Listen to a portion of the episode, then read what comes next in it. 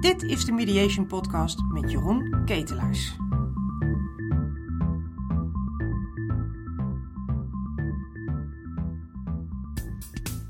Welkom bij de Mediation Podcast van Basic Mediation. Mijn naam is Jeroen Ketelaars. Ik ben uh, familierecht geaccrediteerd mediator en ik ga vandaag wat vertellen in deze podcast over het echtscheidingsconvenant. Als je wilt scheiden en je bent getrouwd in gemeenschap van goederen, of je bent getrouwd onder huwelijkse voorwaarden en je wilt het huwelijk laten ontbinden, dan moet je daarvoor naar de rechter. Dan kun je namelijk niet zelf en de rechter zegt, nou dan wil ik ook weten op basis van welke voorwaarden en welke afspraken die jullie met elkaar gemaakt hebben, jullie uit elkaar willen en dan ga ik daar eens naar kijken en als ik dat een goed plan vind, dan uh, sta ik die ontbinding van dat huwelijk toe. En uh, nou, vervolgens wordt dat uh, dan bijgetekend op de huwelijksakte bij de gemeente en uiteindelijk ben je dan gescheiden en kun je allebei weer de weg gaan bewandelen die je voor ogen hebt. Maar ehm, als je dat gaat doen, dan heb je dus een echtscheidingsconvenant nodig. Een andere woord is het convenant of vaststellingsovereenkomst. Het gaat allemaal over hetzelfde, hoewel er wat kleine nuanceverschillen in zitten. Maar dat reikt te ver om dat hier te bediscussiëren. Het echtscheidingsconvenant is een contract. En dat contract dat stel je op en in dat contract vertel je wat je hebt geregeld of wilt regelen nadat de rechter daar uitspraak over gedaan heeft. Nou, het klinkt heel ingewikkeld. Dat is het op zich eigenlijk niet zo. Want het echtscheidingsconvenant zelf is natuurlijk wel een juridisch document wat op een hele goede manier in elkaar eh, gezet moet worden. Maar de onderdelen van wat daarin staat, is eigenlijk veel belangrijker. Stel je hebt kinderen en je wilt scheiden, dan ben je verplicht een uh, ouderschapsplan op te stellen als die kinderen nog minderjarig zijn. Nou, dat is een flink document als je dat goed aanpakt. Uh, als je de boedel uh, die jullie samen hebben opgebouwd wilt om, ontbinden, hè, dus, dus verdelen, en dat noemen ze ook wel de verdeling van het huwelijksgoederenregime, dan is het van belang dat je dat natuurlijk op een goede manier doet. Je kunt de tafels en stoelen verdelen of je kunt er geld tegenover stellen. Maar het wordt natuurlijk een stuk ingewikkelder als een van jullie tweeën een eigen bedrijf heeft en dat dat eigen bedrijf tijdens de huwelijksperiode is opgebouwd en dat dat waarde vertegenwoordigt en dat moet dan ook uh, verdeeld worden. En dan wordt het al een stuk ingewikkelder en heb je echt weer financiële specialisten nodig. Daarnaast zijn er financiële gegevens die bijvoorbeeld ingaan op de partneralimentatie, de kinderalimentatie, de pensioenverdeling, het nabestaande pensioen, etc. etc. En kan het zo zijn dat uh, je bijvoorbeeld besluit het pensioen uit te kopen. Nou, dan zijn er ook weer allerlei documenten voor nodig. En al die documenten samen worden eigenlijk onder één paraplu gevangen en dat is het echtscheidingsconvenant. Kijk dus even, uh, als je wilt scheiden, waar nou eigenlijk je behoefte ligt. Want het optekenen van dat uh, echtscheidingsconvenant, dat kan door de mediator gedaan worden of uh, door een advocaat. Maar het hele gesprek over een ouderschapsplan of over de financiële context kun je maar beter doen in begeleiding van iemand die daar verstand van heeft. En vervolgens voeg je dat toe aan het echtscheidingsconvenant. Ik zal eerst eens even uitleggen wat er bijvoorbeeld in staat. Je begint natuurlijk bij een echtscheidingsconvenant te vertellen wie je bent, want anders snapt de rechter niet wie de aanvraag doet. En dat doe je op basis van de officiële papieren die je hebt, oftewel je ID-kaart, je paspoort of een uh, rijbewijs. Je, je, geeft dat allemaal uh, aan op dat uh, echtscheidingsconvenant. En dan vervolgens stelt het echtscheidingsconvenant het volgende, namelijk dat partijen in aanmerking nemen dat. En dan komen er een paar dingen die in het echtscheidingsconvenant staan. En dat staat bijvoorbeeld in dat uh, ja, jullie, de partijen, hè, want het is een contract wat aangegaan wordt tussen partijen, op een bepaald moment zijn getrouwd in een, op een bepaalde locatie, dat dat een huwelijksakte is, dat die een nummer heeft, dat jullie al dan niet de Nederlandse nationaliteit bezitten. Uh, maar het allerbelangrijkste, en dat is de reden waarom uh, je een, uh, een echtscheiding aanvraagt voor de rechtbank, is dat je zegt dat er een verschil van mening is ontstaan en dat jullie van oordeel zijn dat het huwelijk duurzaam is ontwricht en op grond waarvan jullie voornemens zijn een verzoek tot echtscheiding in te dienen. En dat verzoek dat wordt dus verwoord in dat echtscheidingsconvenant. Nou, in dat echtscheidingsconvenant regel je dus tussen elkaar hoe je uit elkaar gaat. Daar zeg je bijvoorbeeld ook in dat je dat met behulp van een advocaat gedaan hebt of met behulp van een mediator hebt gedaan. En dat er enkele besprekingen hebben plaatsgevonden, al dan niet onder begeleiding van een financieel expert. En uh, dat jullie daar goed over nagedacht hebben en dat alles waar je goed over nagedacht hebt in dit echtscheidingsconvenant uh, verwoord wordt. Nou, je overweegt vervolgens een aantal zaken. En dat kan bijvoorbeeld zijn dat uh, ook uh, zaken die mondeling overeengekomen zijn hierin vastgelegd worden. dat bijvoorbeeld als je een mediator of een advocaat hebt, dat die mediator je erop gewezen hebt hè, dat je in het kader van het mediation proces je hebt kunnen laten informeren door iedereen. en dat bijvoorbeeld de mediator verantwoordelijk is voor het proces, maar niet voor de keuzes die jullie maken. Dat is nog wel eens een verschil van inzicht, dat mensen soms denken van nou we gaan naar een mediator of een advocaat toe en die gaat dan vertellen of die gaat dan een besluit nemen wat wij in dat echtscheidingsconvenant gaan opschrijven, maar dat is dus niet zo. Het is jullie besluit en dat besluit dat is wellicht tot stand gekomen onder begeleiding van de mediator. Nou, vervolgens komen jullie een aantal dingen overeen en dan is punt 1 is de kwestie en in het geval van een scheiding, hè, dan is het onderwerp van de mediation, uh, zoals dat in uh, deze echtscheidingsconvenanten wordt vastgelegd, uh, heeft als onderwerp echtscheiding. Een tweede onderdeel is de oplossing. En daarin ga je dus beschrijven dat in het kader van de gesprekken die hebben plaatsgevonden rond de kwestie, namelijk de echtscheiding, jullie een oplossing bedacht hebben.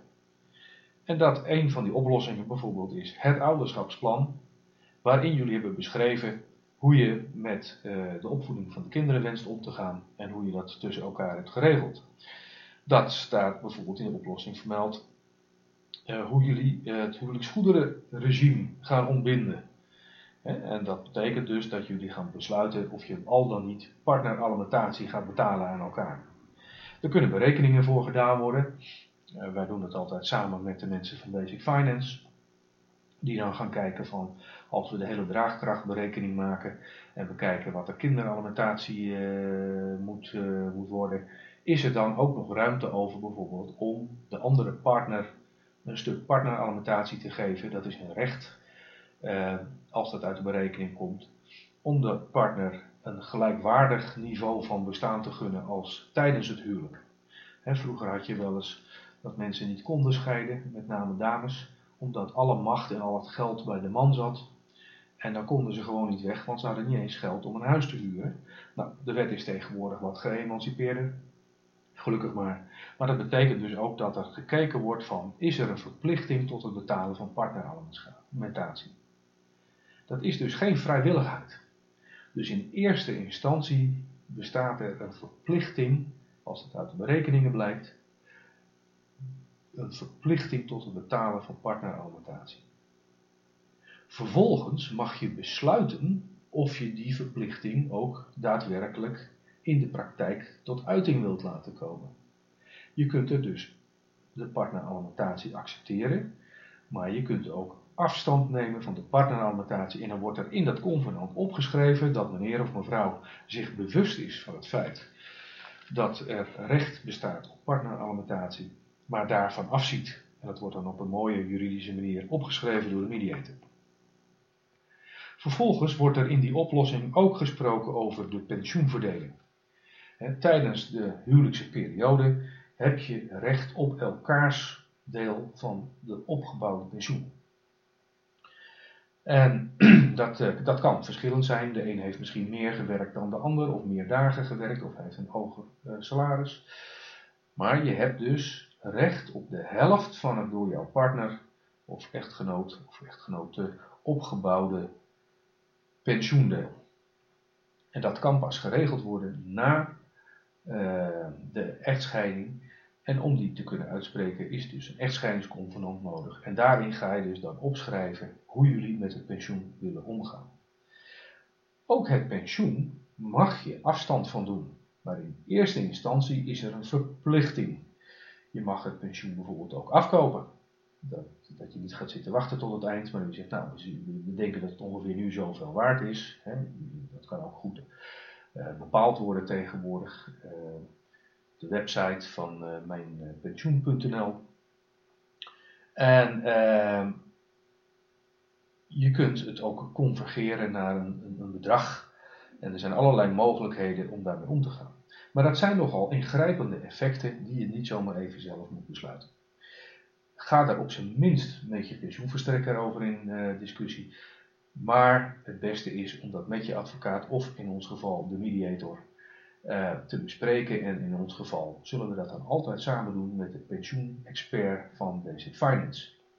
Zo weet je dus precies nu al, dat als dan straks de echtscheiding is uitgesproken, hoe je later op pensioendatum uh, zult omgaan met het pensioen en hoe hoog dat zal zijn. Dat geeft je dus ook een stukje vertrouwen dat je op, op basis van dat contract, echtscheidingsconvenant, nu al weet hoe het later zal zijn.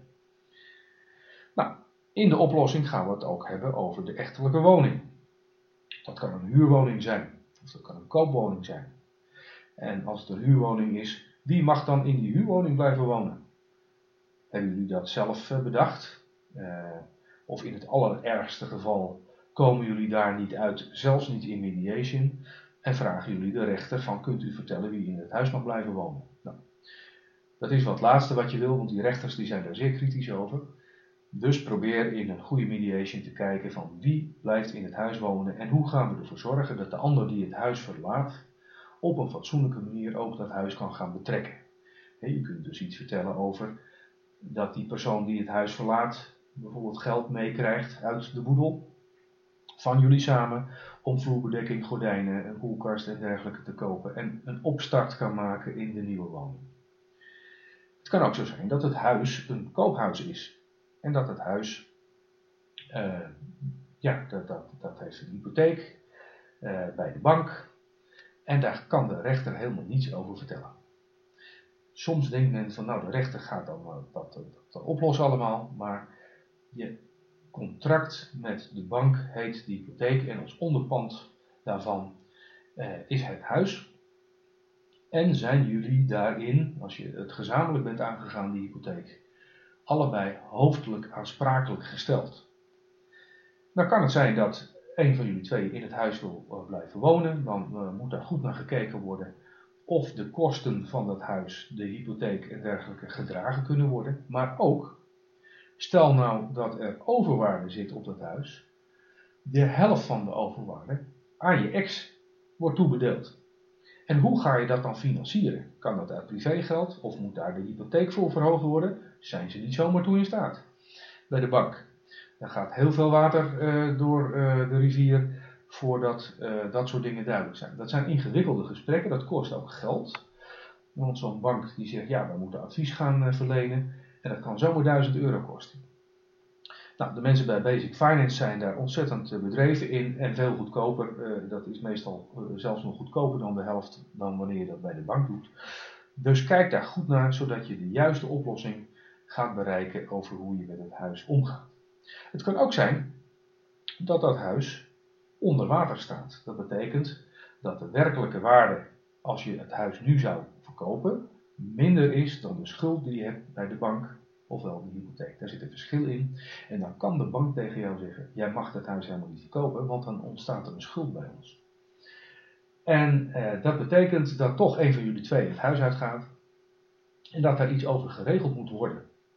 En vaak is het zo dat uh, mensen denken van ja, als het huis onder water staat, kunnen we helemaal niet scheiden. Nou, wij hebben daar heel veel ervaring in hoe je dat kunt oplossen. Ook als het huis onder water staat. En dat er bijvoorbeeld dan uh, het vruchtgebruik van de woning naar een van jullie tweeën gaat. Dat de ander weliswaar niet uit de hoofdelijke aansprakelijkheid wordt ontslagen, maar dat in ieder geval wel de scheiding zo geregeld is dat duidelijkheid is wie in het huis blijft en wie daarvoor de kosten draagt. Nou, er zitten ook nog wat fiscale aspecten aan. Dus ga daar niet zelf zomaar wat in zitten klooien en vraag uh, advies aan je mediator en in dit geval werkt onze mediator van Basic Mediation samen met uh, de financiële expert van Basic Finance. En dan weet je in ieder geval dat het plan wat gemaakt wordt en het plan wat je dus opschrijft in uh, het echtscheidingsconvenant een goed plan is. En dan uh, heb je dus ook een hele grote kans dat de rechter dat gewoon overneemt. Nou, wat je nog meer in de oplossing wil zetten is van hoe gaan we om met alle bankrekeningen polissen, verzekeringspolissen, uh, waardepapieren en dergelijke uh, die we hebben, aandelen, uh, noem het maar op, erfenissen en dergelijke. daar wil je allemaal wat over opschrijven. En dat moet op zo'n manier gebeuren dat dat ook wel de waarheid vertegenwoordigt. He, eenmaal hier bij de rechter met dit echtscheidingsconvenant en de rechter spreekt daar op uit dat je mag scheiden, betekent dat je je dient te houden aan de afspraken die hier in het echtscheidingsconvenant staan. En er zit een executoriale titel op dat document. En dat betekent eigenlijk dat je met dat document in je handen naar een notaris zou kunnen gaan.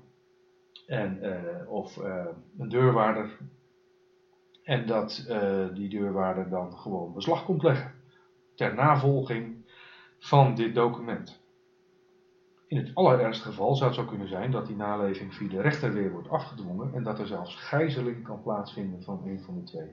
Als iemand zich niet wenst te houden aan afspraken die in dit document staan.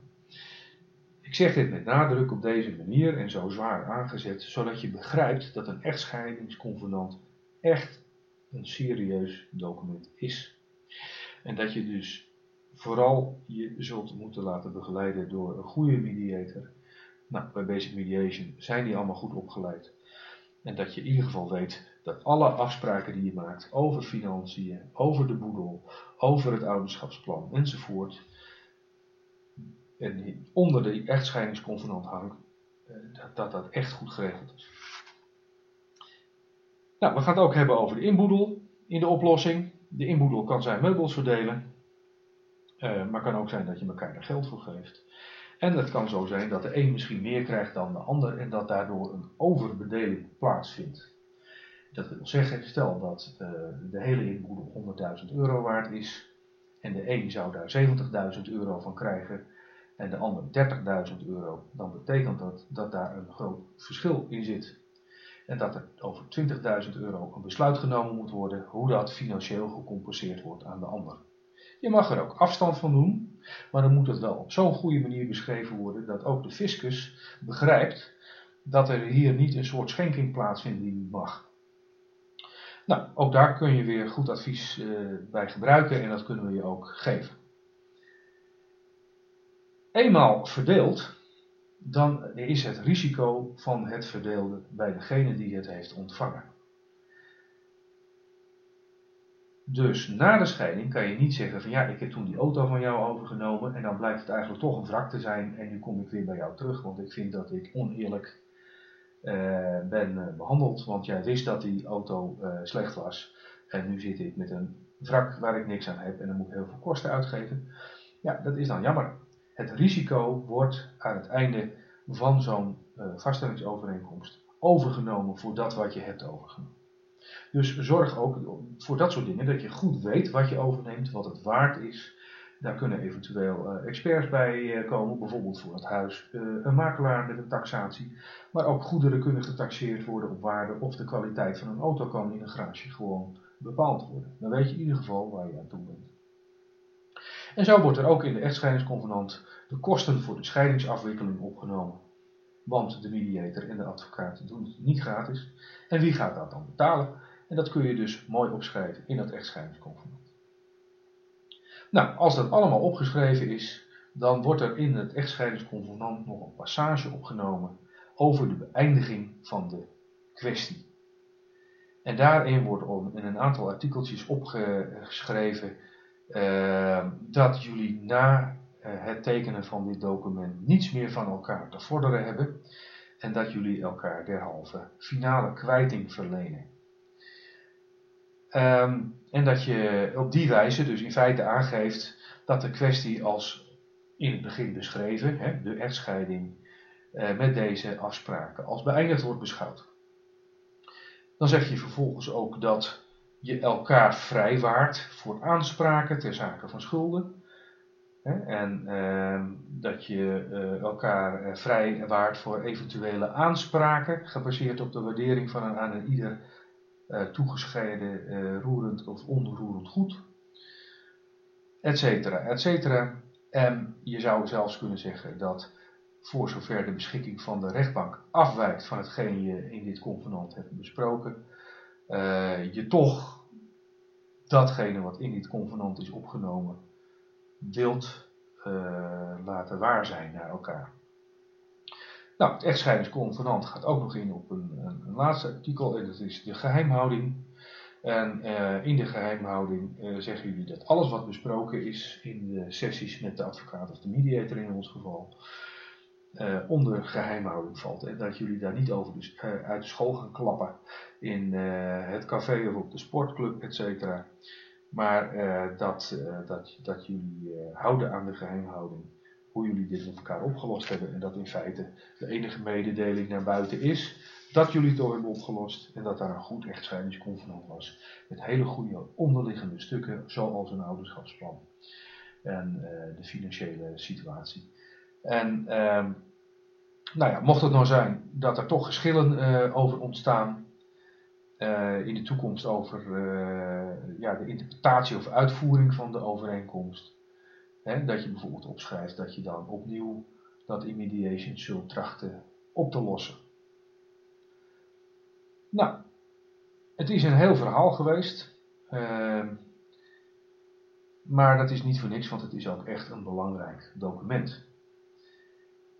Wij kunnen je daar goed bij helpen bij Basic Mediation en bij Basic Finance. Um, ik vond het leuk om hier iets over verteld te hebben.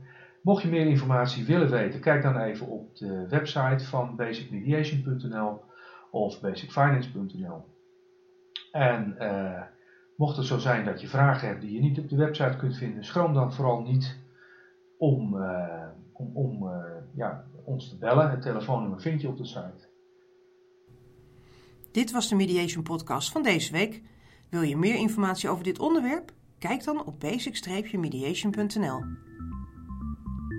Tussen de tijd dat deze podcast is opgenomen en je hebt geluisterd, kan een langere periode zitten. Check dus altijd de juiste of meest actuele wetgeving voordat je bepaalde besluiten of stappen onderneemt. Tot de volgende Mediation Podcast.